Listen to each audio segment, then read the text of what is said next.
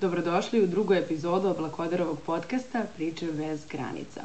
Danas, kao i u prvoj epizodi, razgovaramo o Austriji i naše gošće će ponovo biti iste kao u prvoj epizodi. To su Nikolina Bobar, koja je iz Srbije otišla da živi u Austriju, i Štefani Steiner, koja je iz Austrije došla u Srbiju. Ovo je naš novi podcast koji će se realizovati do kraja godine i skupljamo iskustva mladih koji žive u različitim delovima Evrope, onih koji su iz Evrope došli u Srbiju i onih koji su iz Srbije otišli u Evropu.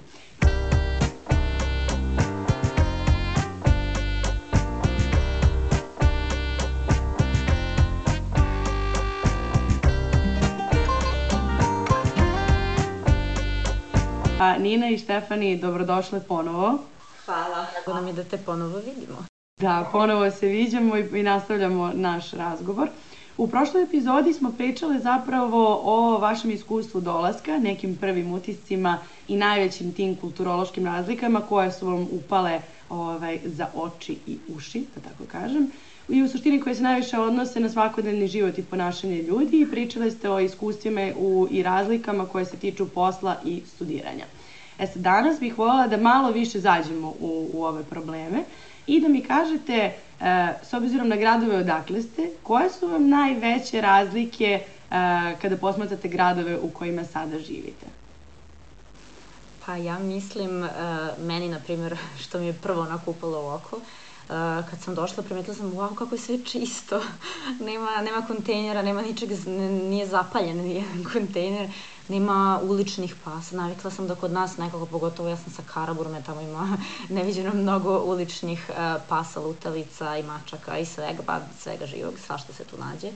Ovaj, ali ovde, na primjer, u toga uopšte nema, nekako sve je čisto, e, sve je tako uredno, sve je dosta po PS-u, što bi se reklo, onako, svuda se zna red, e, još jedna stvar koja me onako, sećam se da me je jedan deda udario na pokretnim stepenicama štapom, zato što sam ja stala levo, ja sam nekako navikla da mi stojimo kako hoćemo, ali onda sam učila da moraju svi da stoje lepo desno, a ovi što žure da idu levo i to mi je onako baš bilo koju.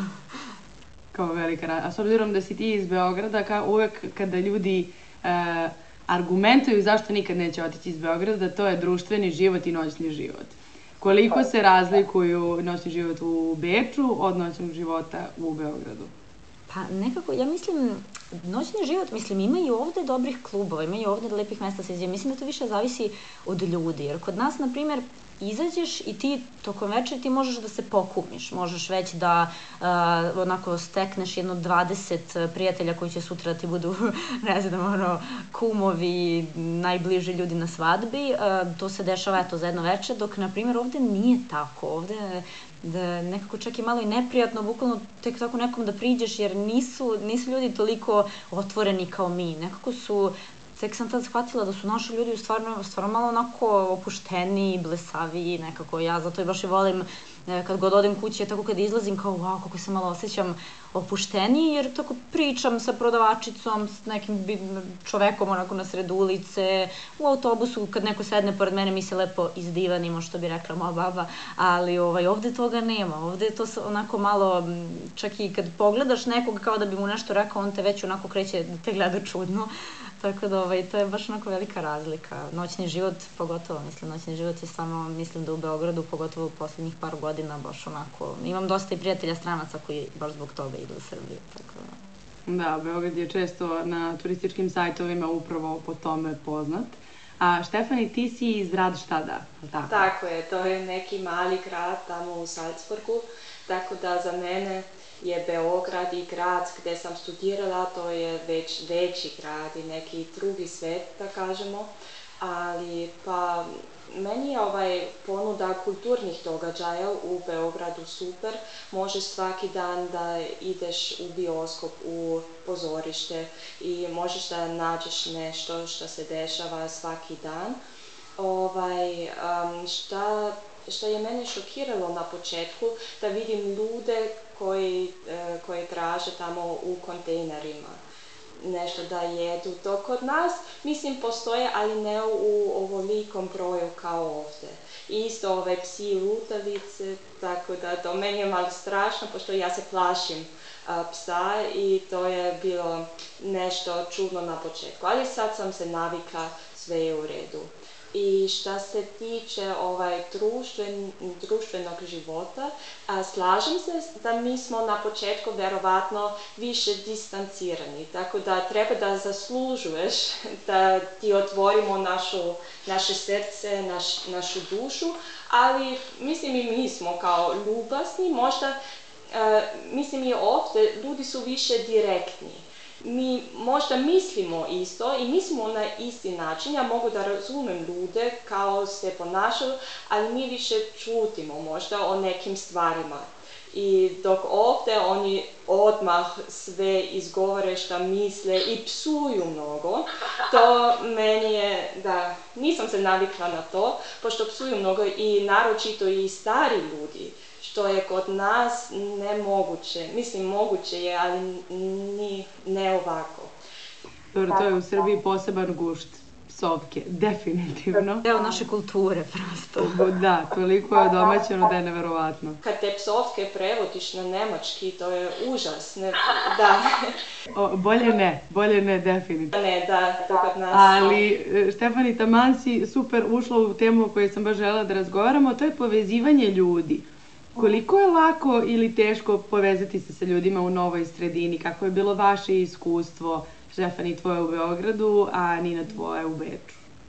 Mislim, kad si ti, kako je Nina već rekla, kad si ti otvorena, možeš da nađeš svake ljude, možeš da stekneš kontakte vrlo brzo, pošto kad ti ponašaš fino i otvoreno i pošteno prema drugima, to verovatno ćeš i dobiti nazad. Tako da to e, svakako zavisi od čoveka, ali pošto u Srbiji pa ima toliko događaja kao na primer Language Cafe, gde možeš da nađeš ljudi koji imaju iste, uh, iste interese ili koji, uh, koji ih zanima nemački jezik ili nešto, tako da brzo ćeš uđi u neki razgovor i mislim da to je, to je super da. Moje iskustvo je nekako malo um, bilo drugačije, ne znam. Mislim, uh, mislim da generalno, baš zato što, eto, Austrijanci su ovako divan narod, oni svi su jako kulturni, svi su, uh, hoće i da pomognu i da te puste da uđeš, da sedneš, da ti daju da sedneš. Ne, ne dešava se kao kod nas da neko neće trudnici da ustane, tako nešto se nikad ne dešava. Ali prosto, um, to, taj prelazak sa tog nekog stepena gde smo mi samo eto neki poznanici u neko dublje prijateljstvo, to se jako teško dešava. Ja imam osjećaj kao da, kao da oni prosto nas ne žele eto tako potpuno da, da prihvate, bar ovde, bar iz mog iskustva. Čula sam da je takođe u drugim eh, krajevima Austrije malo drugačije, da generalno u Beču su ljudi dosta onako zatvoreni, ali ja, na primer, nemam ni jednog jako bliskog prijatelja ili prijateljicu da su Austrijanci. Nikoga. Znači, ja se družim samo s našim ljudima, najbolje drugarice su mi Turkinja i Ukrajinka, e, njih dve sam prosto eto upoznala na masteru, bilo je dosta i Austrijanaca, ali sa njima bilo je, eto, par puta smo tako otišli na piće, radili zajedno na nekim projektima, to, ali prosto ništa se više od toga ne dešava, nikad nisu hteli ništa malo, to onako dublje da pričaju, više samo pričaju eto kako su putovali, kako je lepo vreme i tako to, niko nije hteo da stvori neki dublji kontakt i neki dublji odnos. I takođe, nekako ja sam navikla da bar ako, kako se već družimo, da ćemo da se vidimo svaki dan. Mi ćemo onda da idemo svaki dan neke aktivnosti, nešto radimo. Ne, oni kao, je, možemo na kafu. Ja kao, pa super, hoćeš danas, može i sutra, za vikend najkasnije. A kao, pa ne, ja sam mislila kao, i onda mi kaže neki datum za dva meseca. Iako ja ne znam da, da ću ja biti za dva meseca.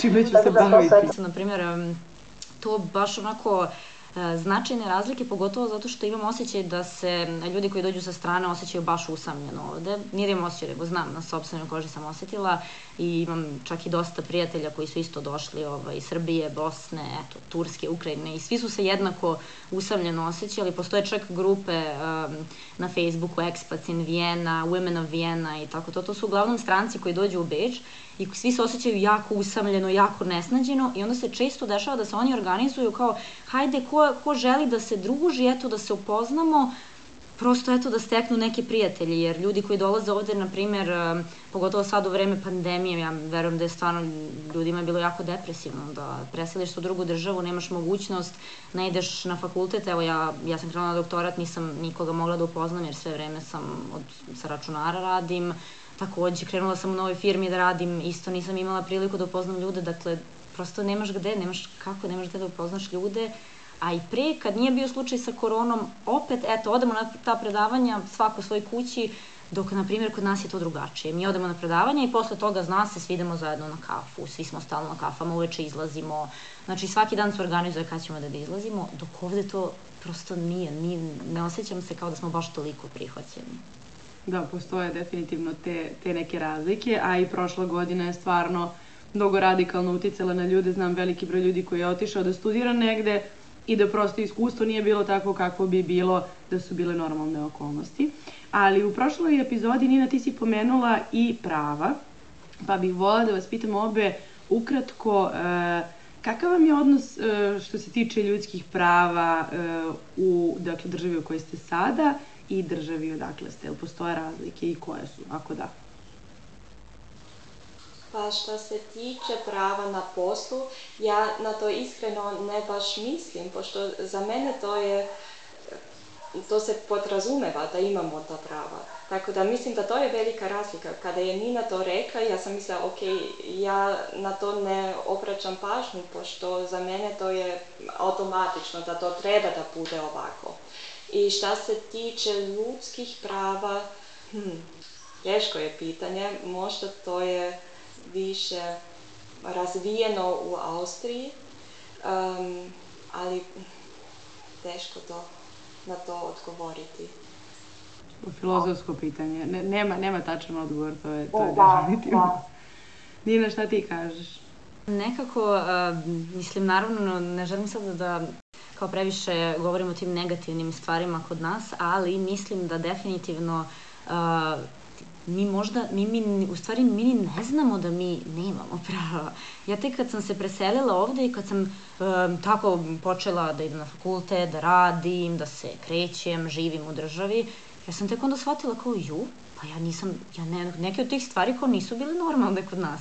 Prosto podraz, podrazumeva se da ti, na primjer, evo, ja sad radim part-time posao, Dakle, nije puno radno vreme i podrazumeva se, u Srbiji bi to bilo, ma, ostaješ ti do 7 uveče, koga tu briga, ti radiš pa radiš. Ja sam, na primjer, pre neki dan, eto, bila u kancelariji, sad tri sata je, ja naravno po običaju, ja nastavljam, radim. I onda mi sva menadžerka rekla kao, izvini, neko nešto si ti još tu? I rekao, pa moram da završim, imamo, kao, imamo dosta posla, stvarno, sad je baš kritično. Rekao, ne, ne, tvoje radno vreme je gotovo, idi ti kući.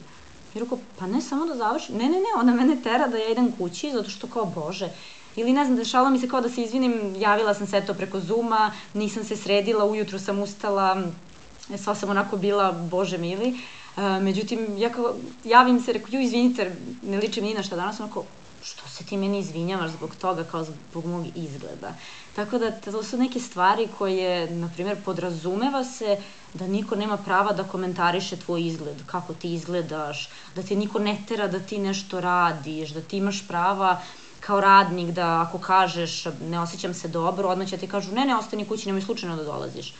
Ali kod nas, na primjer, znam jer imala sam iskustva da sam radila u Srbiji gde je bilo kao da me zovu i da me teraju da dolazim iako sam bolesna, iako sam u tom momentu radila sa decom i mogu da zarazim decu ili tako nešto, ne, to nikog ne zanima, ja moram da uđem na posao. Takođe nekako kod nas, pogotovo to, taj moment gde ja mislim ženska prava isto to, sad u poslednje vreme tek shvatam koliko mi u stvari nemamo prava u Srbiji gde ne znam, ja prosto eto i kao žena se konstantno osjećam kao da, kao da ne sam ništa da pričam i dešavalo mi se da i ljudi u mom okruženju imaju tako neke stavove po onako nekim temama koje se pod, prosto ovde podrazumevaju, da kod nas ljudi tako govore da stalno žena, sve žena kriva, što se tako obukla, što je ovo, što je ono, ona je išla u 10 uveče kod drugara na kafu, pa logično da je silovana, to se podrazumeva. Tako neke teme gde sam ja tek sad počela da shvatam kao, ok, mislim da to stvari u Srbiji ne valja i da to ovde ljudi mnogo mnogo zdravije pristupaju tako nekim temama. I takođe to da kažem za prava žena isto da ja imam osjećaj da ja stalno ovde, na primjer, evo, ja konstantno, sad sam se eto sredila malo ovaj, za podcast, ali inače ja sam konstantno bez šminke, nikakva, kad mi dođe sredim se, ali nemam potrebu jer nikome se ne dokazujem, dok na primjer kad god sam u Srbiji, stalno postoji ta neka presija gde god krenem da me ljudi gledaju šta god, ako obučem pidžamu, ljudi će me gledati ovako, komentarisati, ako se lepo sredim, au što si se sredila, au što si se prešminkala, u što si... I konstantno, kao da sam u nekom realitiju, samo sedim, šta god, samo molim vas ne dirajte me. Ne, ljudi konstantno imaju potrebu tako da te napadaju i to je, do, znam da često to ide do te neke granice, da je to već, već narušava tvoja ljudska prava, da tebe neko već... Tvoju privatnost. Pre... Tvoju privatnost, da. je tako da to baš onako, to je baš velika razlika, ja mislim ovde. E sad, e, usko povezano s tim su i ekonomski uslovi. Ovaj, pa evo ponovo kratko, da li primećujete te ekonomske razlike? Um, pa da, mislim za mene um, što sam došla iz Austrije, meni, meni je ovde sve, nije baš skupo, mislim, ali to zavisi i od plate, pošto mi više zarađujemo, tako da kod nas naravno je sve skuplje, ali što se tiče ekonomije, um, znam da ovde se ponekad priča um, da se Srbija uh, vrlo brzo razvije, ali ja to ne toliko vidim, da to je neka, pa da priča se ovako, ali nije istina. I onako, Srbija po, mo, ovaj, po mom mišljenju ima veliki potencijal. Moglo biti da se razvije, što se tiče turizma, imate prelepu ovaj, prirodu i to bi moglo da se koristi, ali još nije otkriveno, otkriveno toliko. I um, umesto toga se grade velike, ovaj, da, se grade velike zgrade i ne znam na šta će liči Beograd za desetak godina, tako da... Ne znamo ni mi. Da. Stvarno ne znamo ni mi. Nina? Pa ne znam, nekako uh, ja prosto imam osjećaj kao da uh, Ne, izvini, možda ponoviš pitanje, otišla mi misla. Pa, ne, e, ekonomske razlike, ako možeš da, kratko, da li, da li ti primećuješ da one postoje? Da, skrenuli smo malo na neku drugu temu. A, pa da, što se ekonomskih razlika tiče, mislim da prosto da je to donekle i očigledno, naravno da je Austrija jako razvijena zemlja, socijalni sistem jako dobro razvijen, ima ljudi koji to ovde čak i zlopotrebljavaju, ima dosta ljudi koji dolaze prosto eto da bi i koji dobiju, kad već dobiju državljanstvo, eto, samo prosto žele da žive od tog socijalnog sistema koliko je dobar, jer oni prosto dobijaju mesečno maltene celu platu, ni za šta. Tako da možda to donekle nekad i nije dobro, ali mi je žao što, na primjer, kod nas nije takva situacija, kod nas stvarno država ne može da ti pomogne, prosto možda, ja se nadam, ja se stvarno nadam da će nekad uspeti da se razvije toliko da eto i ta socijalna davanja mogu da budu veća, da ljudi budu donekle zaštićeni, da ako dobiju otkaz da će dobiti nekakvu nadoknadu, nekakvu pomoć od države.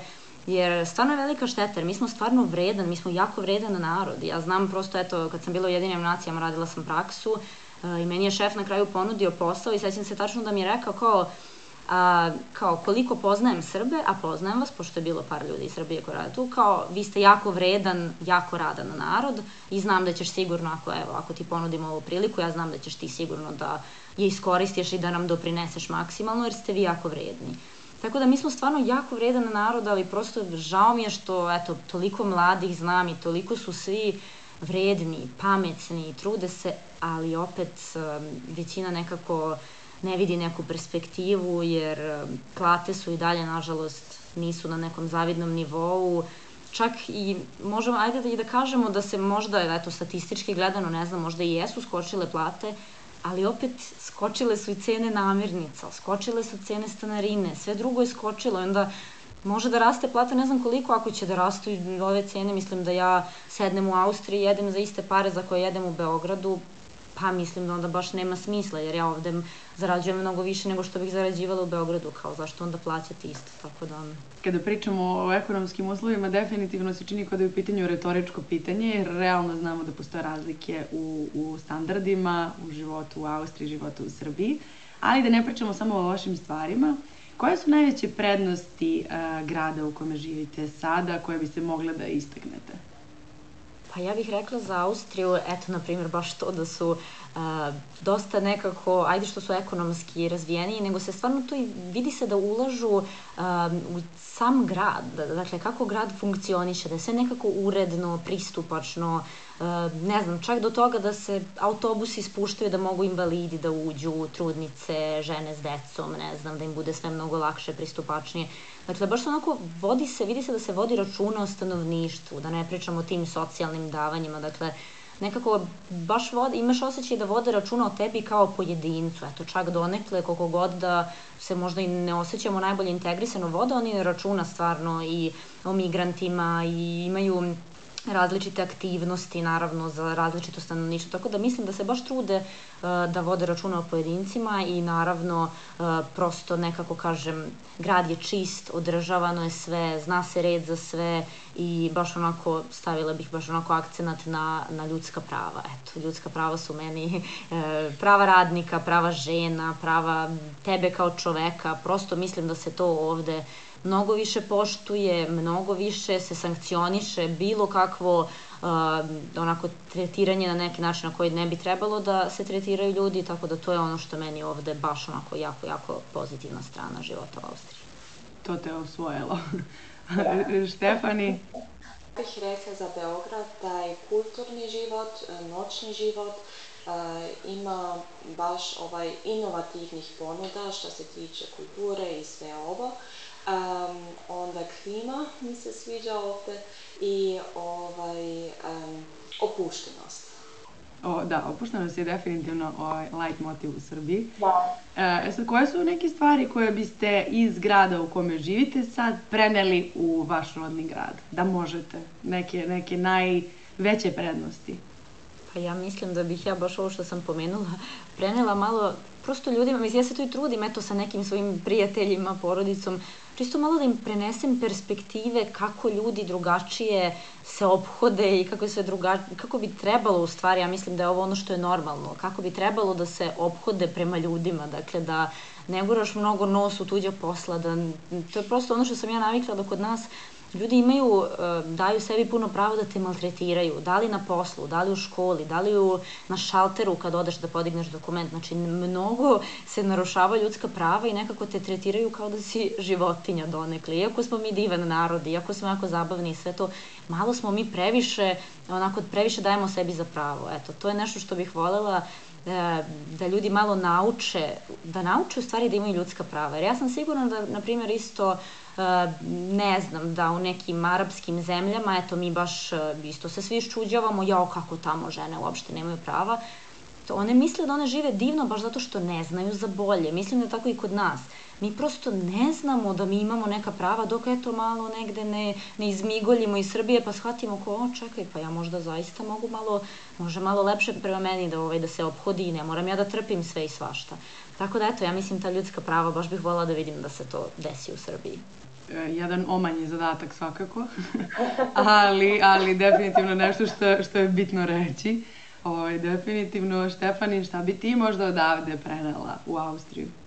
Da se više uživalo i manje radilo, da se više izlazilo, možda to.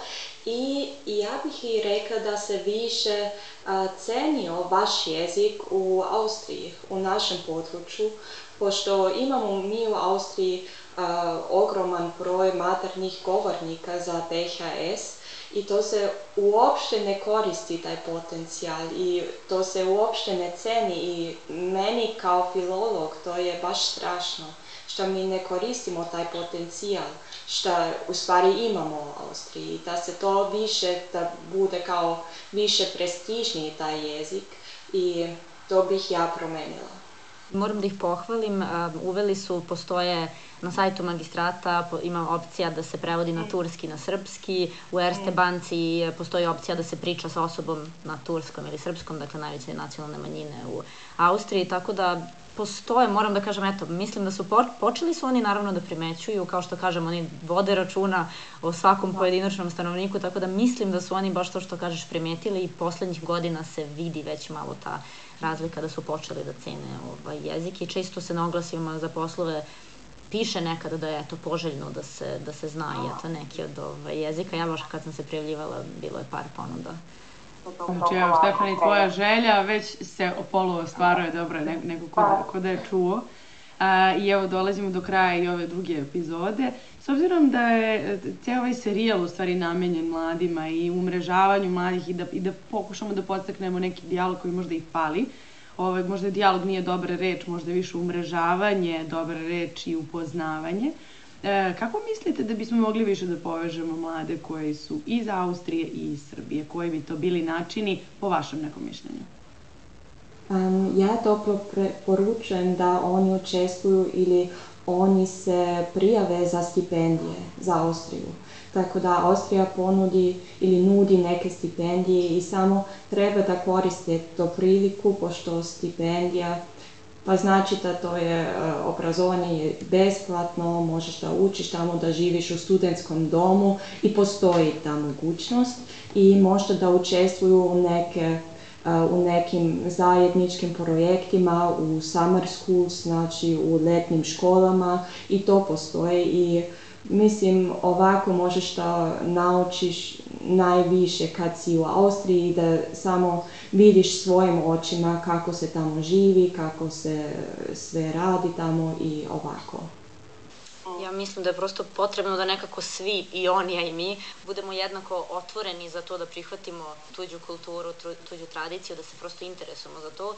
Jer eto, mislim, imala sam naravno i ovde i dalje poznajem se ja konstantno sa, sa Austrijancima i dešava se stvarno da ih, tako bilo i slučajeva da ih stvarno baš onako zainteresuje Srbija. Imala sam jednog kolegu u Jedinim nacijama koji je čak krenuo malo da uče i srpski, uh, tražio mi je neke naše narodne pesme da mu šaljem, tako da mislim da je to prosto ta otvorenost. Ja, koliko god da jesu Austrijanci hladan narod, mislim da je prosto uh, neophodna malo kod njih ta da se malo samo opuste i onda već može nekako da ispliva na površinu i to da su oni jako druželjubivi i mislim da i kod nas isto, dakle i mi moramo da se potrudimo, prosto i kod nas da, pristupimo svemu tome bez nekih predrasuda i da se potrudimo stvarno da samo pokušamo da razumemo njihov način života.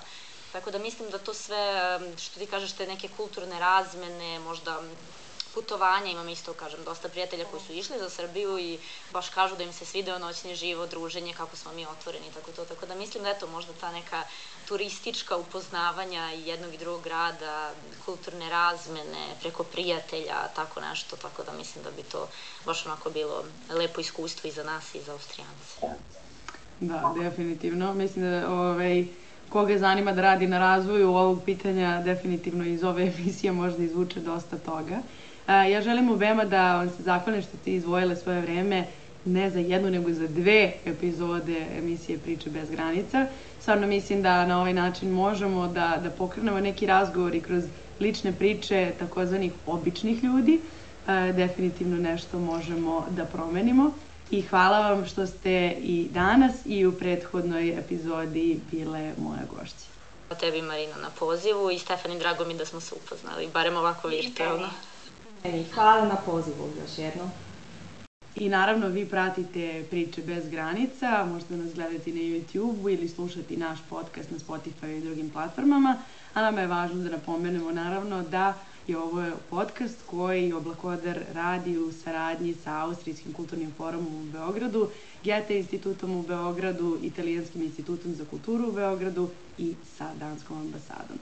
Sledeću priču o sledećoj državi E, želimo da iščekujete nestrpljivo, a mi ćemo doći vrlo brzo sa novim uzbudljivim pričama.